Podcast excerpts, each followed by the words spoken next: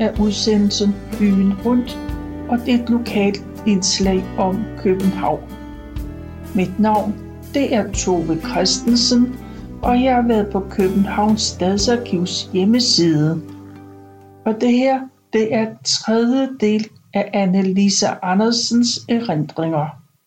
Hun er født i 1926, og hun fortæller om sin hverdag, både da de boede i Vandløse, og efter nogle år flyttede de til Nørrebro. Annelise Andersens far var gift to gange. Første gang, det var i 1921 med Annelises mor, der hed Ellen. Anden gang i 1932 med hendes stedmor Kate. Med Ellen fik hendes far fem børn ret hurtigt efter hinanden, hvoraf et af børnene døde. Og i 1931 døde Annelises mor, og året efter blev hendes far gift igen. Det var en meget ung mor, for hun var kun 25 år og overtog fire børn, hvoraf den ældste var knap 9 år og den yngste 3. Annelise Andersen, hun kaldte Kate for sin mor. Kate blev hurtigt gravid og fik sit første barn i 33, og de næste blev født i 34, 36 og 38, og i 39 blev Hanne født, men hun døde kun 6 uger gammel. Og de sidste fire børn er født fra 41 til 52, da de boede i Brønshøj. Annelise Andersen fortæller store og små begivenheder i hendes liv. Hun skriver Det meste af min fritid gik med at passe små søskende. Jeg gik gade op og gade ned og rundt om søerne, skubbende en barnevogn foran mig. Jeg havde altid et lille menneske på slæb. Det kunne også ske, at jeg passede ind derhjemme. Det var mens mor var i byen. Jeg kan ikke huske, hvem der var denne gang, men det lille pus tissede i bukserne, så det rent ned af benene og ned i den ene støvle. Jeg måtte give ham tørre bukser på, men hvad skulle jeg gøre med den pjask våde støvle? Og jeg fik den gode idé at anbringe den på knoppen af kakkelovnslågen i det håb, at den var tør, når mor kom hjem.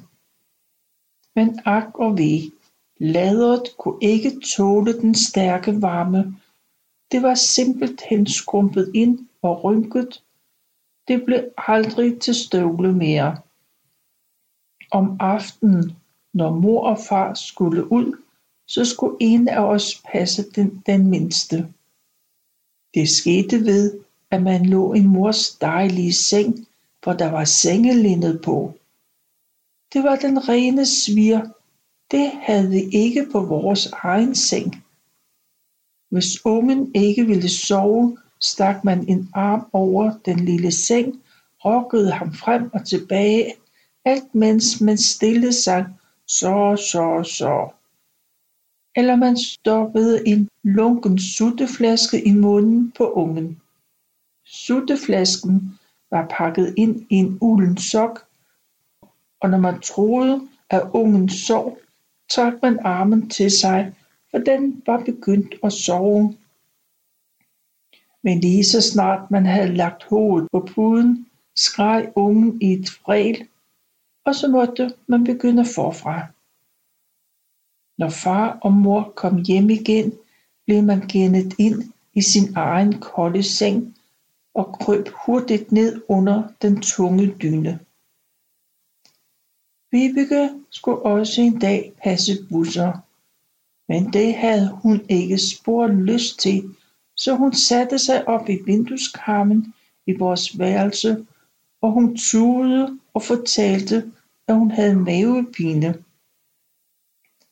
Da Busser var helt lille, kørte hun rundt med ham i vores dukkevogn.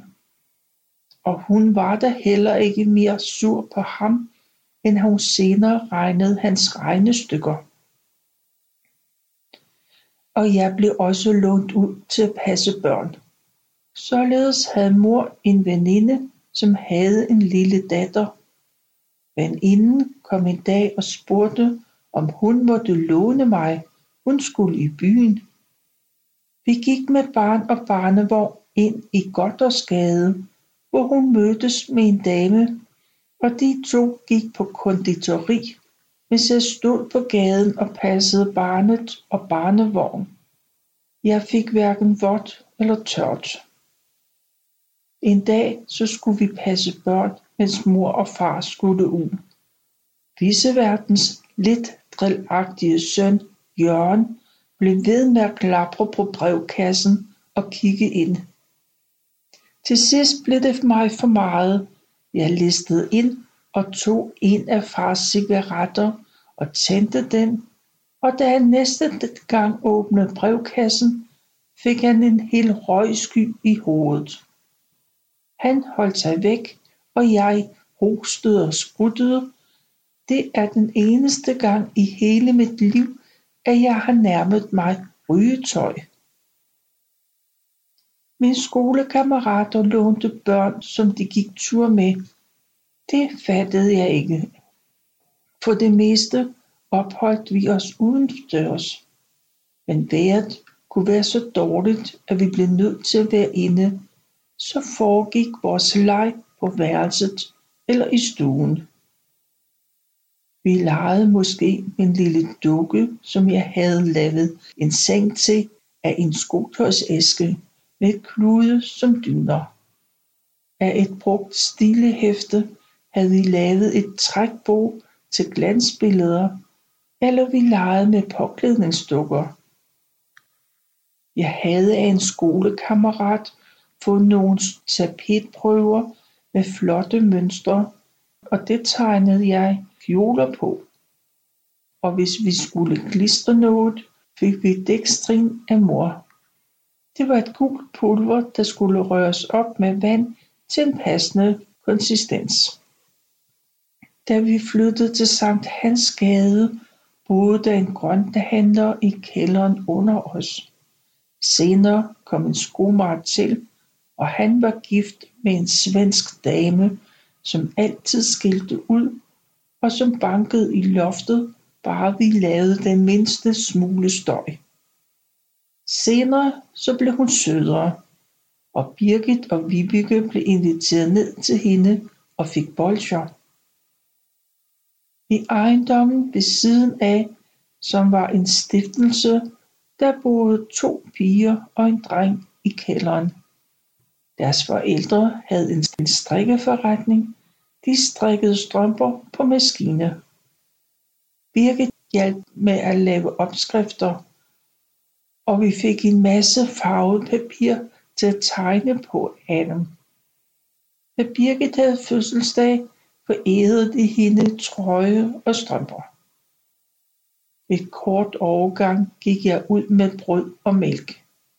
Jeg mødte tidligt om morgenen i mejeriet, der lå i kælderen på hjørnet af Rysgade. Når jeg kom, stod der en kurv med kolde mælkeflasker og poser med varmt brød. Så var det bare om at hanke op i en kurv og komme afsted. Jeg måtte kun gå ad køkkentrappen. Så lod jeg kurven stå nede på trappen og læste på poserne, hvem der skulle have hvad. Det var med at blive færdig i en fart, for jeg skulle i skole bagefter.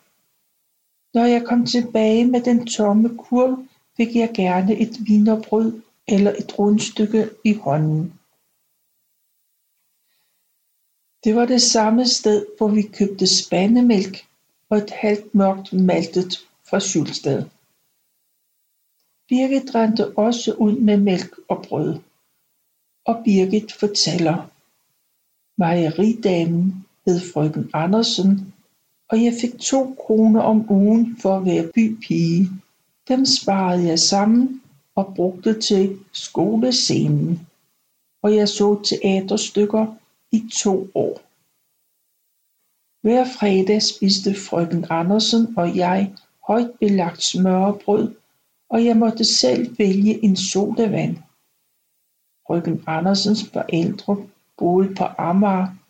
De var vældig søde, og de inviterede mig med ud til dem. Til min fødselsdag fik jeg et par sko for ærende. Jeg kan endnu huske forældrenes telefonnummer. Det var Amager 2796 U. Det var Birgits indslag. Og Annelise fortsætter. Da vi boede på Nørrebro, opholdt jeg mig meget på gaden, hvor der foregik en hel masse. Når jeg gik i skole om morgenen, hentede det, at vandvognen kørte gennem gaden. Det var en bil med en vandtønde bagpå, med en spreder med huller i, hvor vandet sprøjtede ud af, og der var dejlig frisk luft bagefter. Nogle børn morede sig med at løbe bag efter bilen, og så fik de sig en lille dusch. Der kørte mange cykelbude rundt, men de kendteste, det var nok svejerne. De kom fra Inderland Budcentral og var en flok unge mennesker med højt humør. De fløjtede og sang, mens de kørte rundt med deres long john eller varecykel med en lille lad foran med varer på. Hvis folk ikke flyttede sig hurtigt nok over gaden, når budene kom kørende, kom de med til at råbe som Flyt så futterne, bedstefar. Senere kom der kvindelige svejere ind i korpset som afløser for de mandlige. Af og til kom manden med skærslippervognen. Det var en slags trillebør med et bræt på siden, som man trådte op og ned, så slebestenen blev drevet rundt. Når kniven blev sat til, så stod der en sky af gnister omkring den. I reglen gik han gennem gaden, mens han råbte, her slibes knive, her slibes sakse, sakse og knive slibes, her kommer skærslipperen. Hvis ikke det var nok til at få kunder, så gik han ind i en opgang og ringede på folks døre og spurgte, om de havde noget, de skulle have slebet. Under besættelsen så blev hestene meget brugt på grund af benzinmanglen. Man kunne høre deres hovslag langt væk og se, når de havde været gennem gaden, for for så lå der en bunke dampende varme hestepærer på kørebanen. Så skyndte spurvene sig at tage for sig af retterne, inden gadefejeren kom med sin kost og skov og vogn. Når man så en taxa med en hest foran, kom man til at tænke på strofen 9001 Men skynd dem lidt, min mor skal have en baby. Dengang var der ikke blinklys på bilerne, men røde afviservinge, som chaufføren slog ud, når han skulle dreje. Når hestene stod stille, fik de en mulepose på, så kunne de stå der og gumle korn og hakkelse i sig. Cyklen var også et yndet transportmiddel, men det var svært at skaffe dæk og slanger. Når der gik hul på dækket, måtte man klare sig med dæklapper eller binde sejlgarn om. Når der skulle transporteres ting fra det ene sted til det andet, blev der læsset på trækvognen, og en mand trak afsted med den. Ned gennem Rysgade kom der sommetider en snavset, laset dame gående. Vi kaldte hende for jomfrutidsfordriv. Men det var ikke den originale. Hun var død for mange år siden. Men hun havde en kurv på armen, og på fødderne bar hun galoscher bundet fast med et bånd. Hun havde altid en hale af børn efter sig, som hujede og gjorde nar af hende. På rådhuspladsen der stod kanonfotografen med sit apparat og fotograferede. Han stak hovedet ned under et klæde og knipsede, og så lavede han billedet, mens han ventede. Af og til stillede Frelsens her sig op på Sortedamslusseringen og spillede og sang og samlede penge ind til fattige og nødlidende mennesker. De spillede og sang godt, men der var altid en flok unger, der skulle drille og gøre nar af dem. I en stor familie, hvor pengene var små, kan det ikke undgås, at maden blev temmelig skrabet. Jeg startede om morgenen med en ammermad. Det var et halvt stykke rugbrød og et halvt stykke franskbrød klasket sammen med smør imellem. Jeg fik ikke noget at drikke.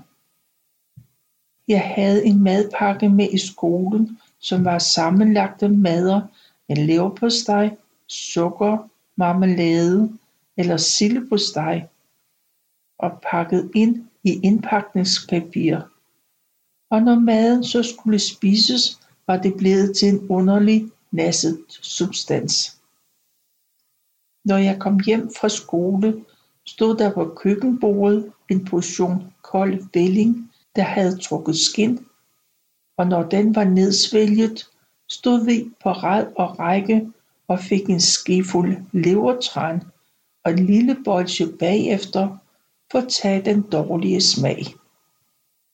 Til aftensmaden blev jeg sendt i byen efter 6 pund store kartofler og et pund rørt fars eller medister hos slagteren. Det var fremstillet af fedt, mel, vand og krydderier, så frikadellerne har været små den dag, og der var også kun én til hver. Sommetider fik vi forloren hare, så gennemgående fik vi meget farsbrød. Den næste dag fik vi måske grød eller øllebrød til middag. Det var havregrød eller vandgrød, og det skete, at grøden var kold og kørt rundt i mælken. Var det vandgrød til overs, kunne man risikere den næste dag at få en halvt stykke rugbrød med en skive kold vandgrød på.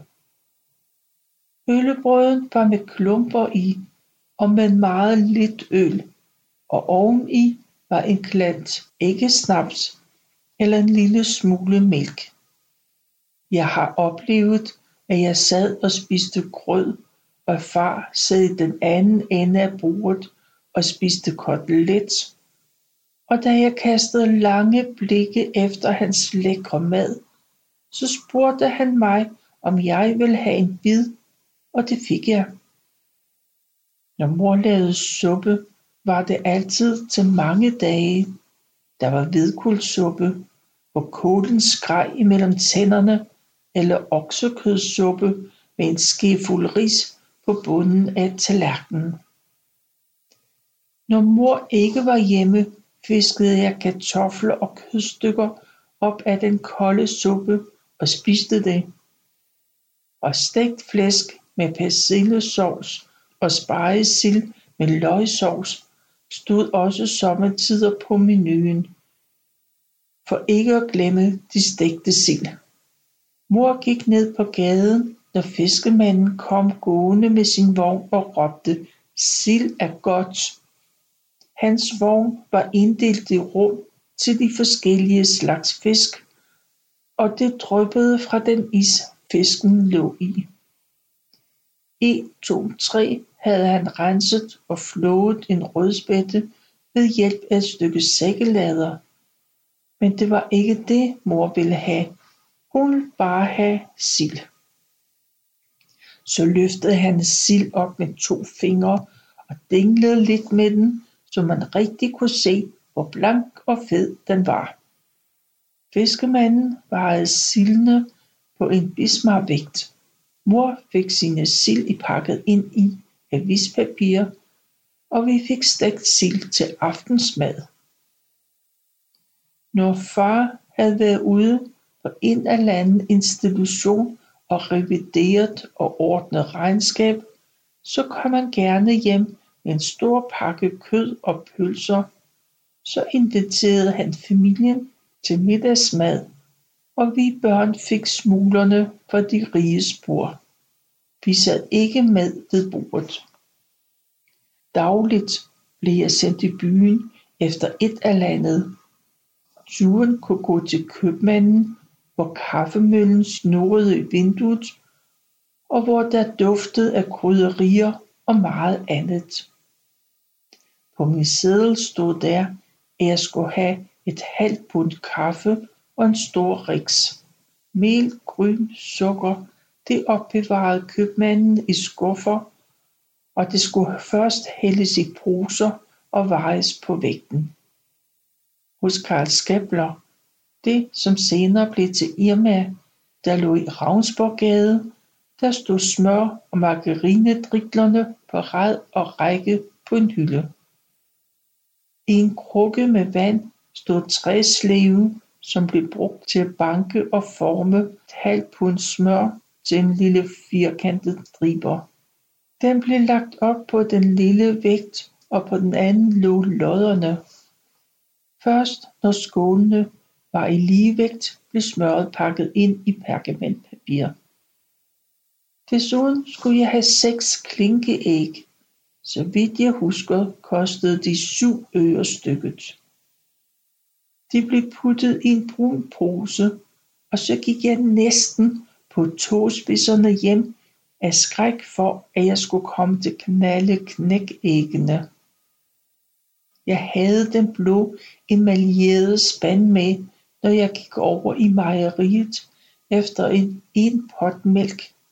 Det var lidt mindre end en liter. Mejeridamen sænkede et mål ned i en stor mælkejunge og øste den op i min spand. Og brødmanden kom ind ad døren med en stabel rugbrød på sin strakte arm, hvor han havde lagt et hvidt klæde. Brødet blev pakket ind i silkepapir, når man købte det, og det var det papir, mor brugte til vores madpakker. Undtagen til fars. Den var pakket ind i pergamentpapir. Jeg gik hjemad med min spand og halvt mørkt rugbrød, mørkt maltet af Schulsteds, som mor hakkede i skiver på brødmaskinen. Endeskiverne det blev brugt til øllebrød. Man skal passe på, ellers bliver man sprunget over, når man var i byen.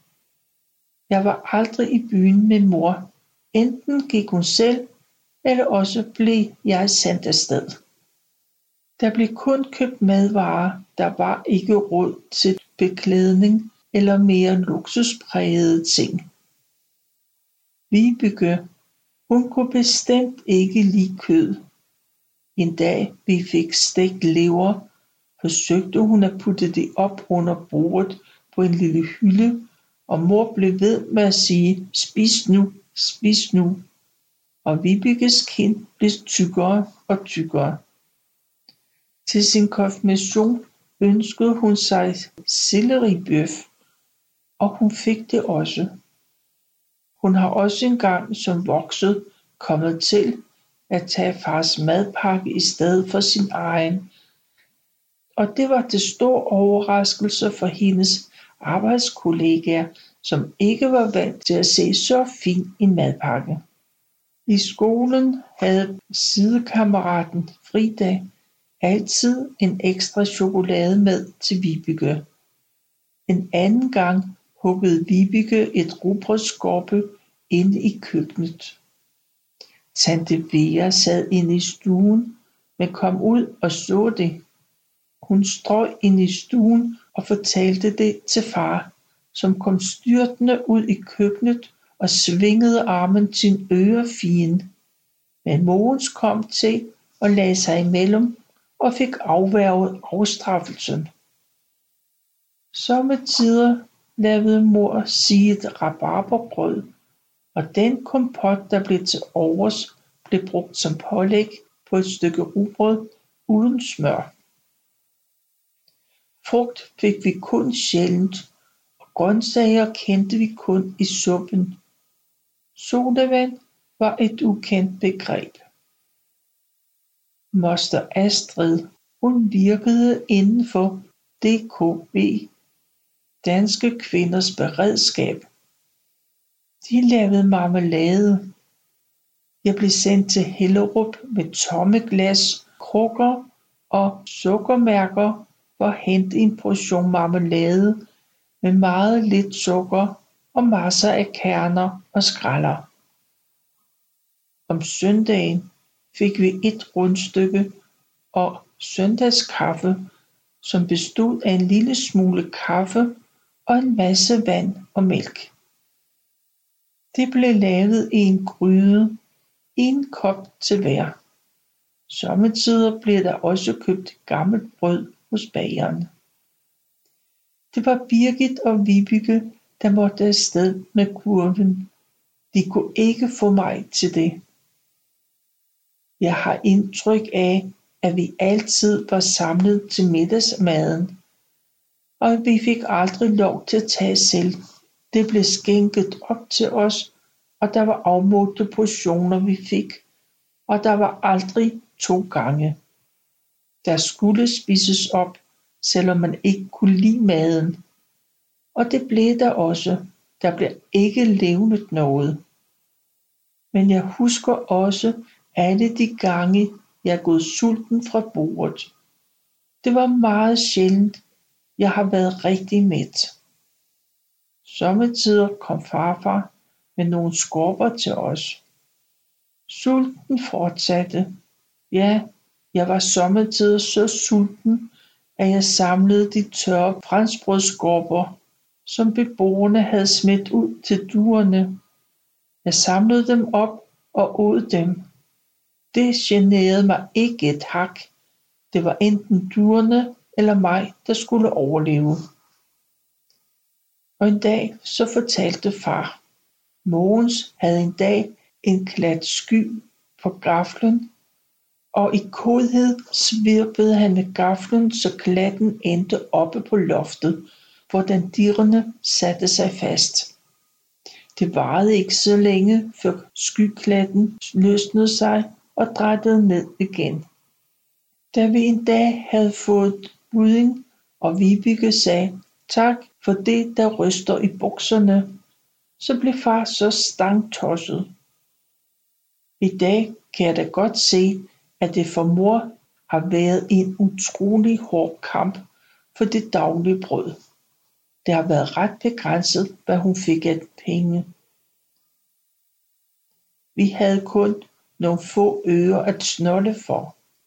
Hver søndag fik vi en femøre af far. Det var vores søndags fem øre. Ved siden af den fem øre kunne vi hos nedgården i baghuset hente en ti øre. Det var altid mine søskende, der skulle hente dem. De kunne ikke få mig til det. En gang havde Mogens hentet dem, og så beholdt han dem alle sammen selv. Disse penge kunne bruges til mange ting. For eksempel så købte jeg en lille blikdåse med salmiakbestiller til 5 øre. Så lagde jeg en stjerne på håndryggen og slikkede og slikkede, til den blev tyndere og tyndere, og til sidst helt forsvandt. Det var saligt. Man kunne også købe spejlehavn og lykkebruser og paraffin med lakridssmag og forvandlingskugler, hvor man hele tiden tog det ud af munden for at se, hvilken farve den nu havde fået. Og det var så langt, som jeg nåede at fortælle af Annelise Andersens erindringer. Du kan læse hele hendes beretning. Det ligger på Københavns Stadsarkivs hjemmeside, og den hedder kbharkiv.dk